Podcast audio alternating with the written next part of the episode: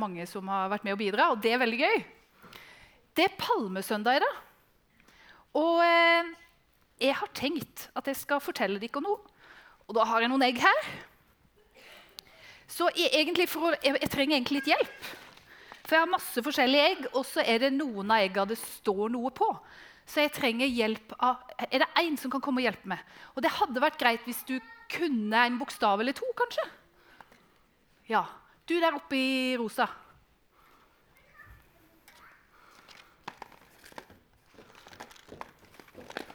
Hvis du kan finne et egg der det står en eh, P Kan hende du må leite litt. Skal vi se. Hva heter du? Marit. Du fant den med en gang. Kan du åpne den? Var den oppi der? En lapp, og der står det Palme. Du kan få den, Seiman. Den kan du ha. Vær så god. Takk. Altså, her står det palme. I dag er det palmesøndag. Og hvis de kan ha sett her sånn, så har vi Tusen takk for hjelpa. Nå kan du ta den med deg opp. Masse masse flagg her. Det er fordi at i Norge på denne tida så er det ikke så lett å få tak i palmer. Men på palmesøndag sånn som vi hørte i sted, så kom Jesus ridende inn i Jerusalem på et, et esel. Og når, de, når, Jesus kom der på eselet, så sto de med palmene. da. Men i dag er det litt flagg her. for at vi skal skjønne hva det er. De sto med palmene, de la ned klærne sine, og de hylla ham. Yes, nå kommer kongen vår! Jeg vet ikke om de kan ha tenkt på det på 17. mai. Så står vi òg med flagga. Og vi, vi, eh, vi, kan feire at vi er et fritt land, og vi kan feire at vi har en konge. Men dette var en helt annen konge. Fordi israelsfolket hadde vært så lenge hatt det skikkelig kjipt veldig veldig lenge. Men nå kom endelig redninga, og det var Jesus. Han skulle komme og redde dem, så det feira de. Og da tok de, de slapp alt de hadde i hendene. 'Nå kommer Jesus, han skal vi feire', sa de. Så det er det vi feirer i dag på palmesøndag. Jesus kom. OK, jeg har en bokstav til. Nå tror jeg vi må ha en gutt. Jeg har en gutt her. Kaspian? Kan vi se Da skal du finne en det står en Å på. En Å. Der var den. Vil du åpne den?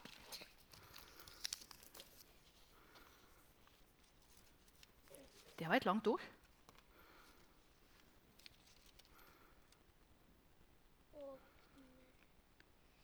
Åpenbaring. Det var et vanskelig ord. Jeg skal forklare deg hva det er. Du kan ta Laban. Den kan du ta. Vær så god.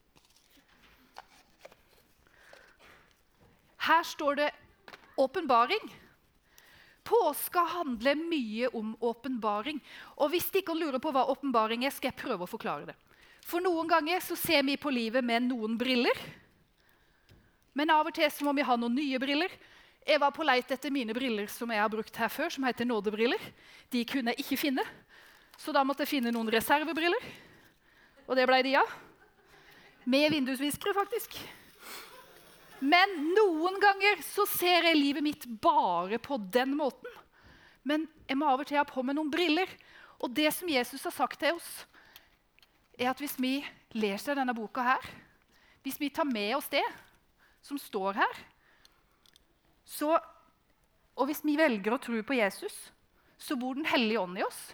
Og han vil åpenbare, han vil vise oss hvem Jesus er. Så hvis, eh, hvis eh, Jesus bor i oss, og vi har sagt ja til han, så vil Den hellige ånd vise. Og Da kan det være som å ta på seg noen andre briller noen ganger.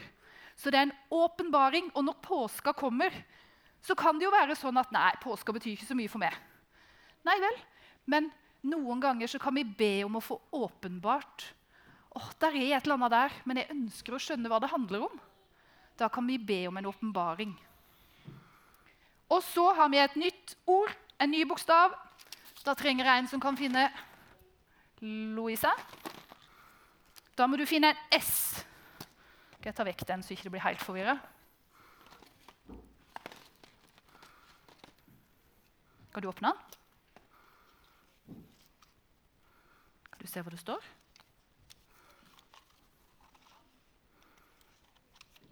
Det var to ord. Kan du se hva det står der?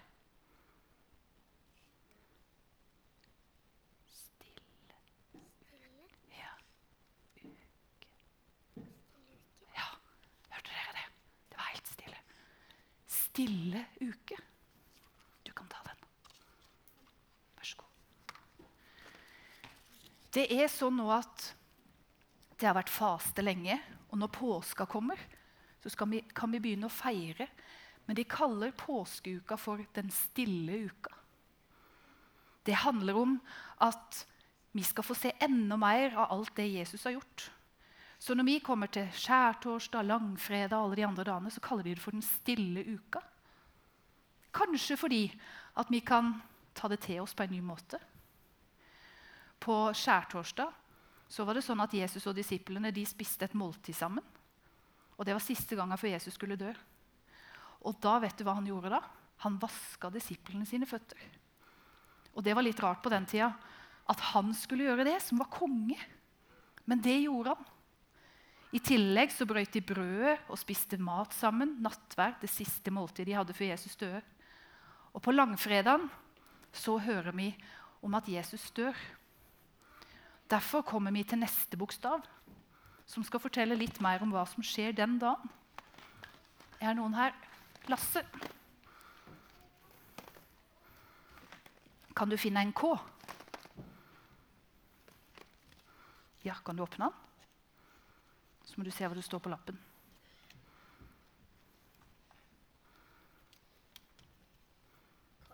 Kors. Takk. Da kan du ta den. Der sto det kors. For på langfredag da skjer det noe. Og når vi skulle finne noe som handla om påske på K, så kunne jeg sagt konge, jeg kunne ha sagt krone eller korset. For dette er jo det store symbolet på påska, det som skjedde der, at Jesus døde for oss. Og hvis dere vet helt ifra starten, når Gud skapte Adam og Eva, så var det sånn at de fikk et valg. Han sa de kan, spise akkurat hva de vil, men dette ene treet får dere ikke lov å spise. Og så gjorde de det. Og på den måten gjorde det til at de fikk et skille. De kunne ikke være sammen med Gud, for han tåler ikke synd. Og det var synd å spise av det treet. Så når historien da går videre, så var det sånn at Gud var der. Men han var ikke til stede på samme måte. Han ble på en måte litt begrensa fordi synd var å komme inn og tatt den plassen. Og når, eh, I Gamle testamentet, når de gikk rundt, så bygde de templer. De laga et stort tempel, og der var en plass der øversteprester og andre sånn, de fikk lov å gå inn. En gang innimellom. Men det var så hellig at det var sånn at hvem som helst kunne ikke få lov å gå inn der og være sammen med Gud. Og så var det sånn at det var et svært forheng. Og på innsida der der var det aller helligste. Men det var bare noen som fikk lov å komme inn.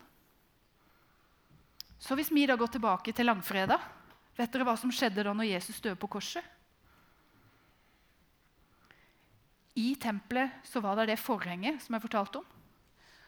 Det som skjedde da når Jesus hang på korset, var det at det revna. Og det ble åpen vei helt inn til Gud. Så hvis vi tror at Jesus døde på korset, så har vi den åpne veien helt indirekte til Gud. Så Gud han kan være med oss hver dag der vi går i vår hverdag. Det er ikke sånn at vi må opp med dette tempelet og så må du be om å få lov å komme inn der kanskje en gang. Nei, det er helt åpent for alle. Og han ønsker å være til stede i våre liv nå. Det er det som skjedde på korset på langfredag. Og hva, som, hva betyr det for oss, da? Jo, det skal vi få greie på på den siste bokstaven. Forundra over at det er ingen voksne som rekker opp hånda. Du i svart der.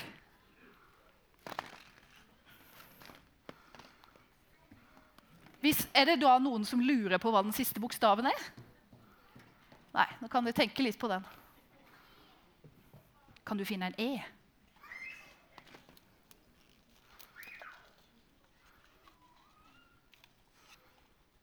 Hva står det på den lappen?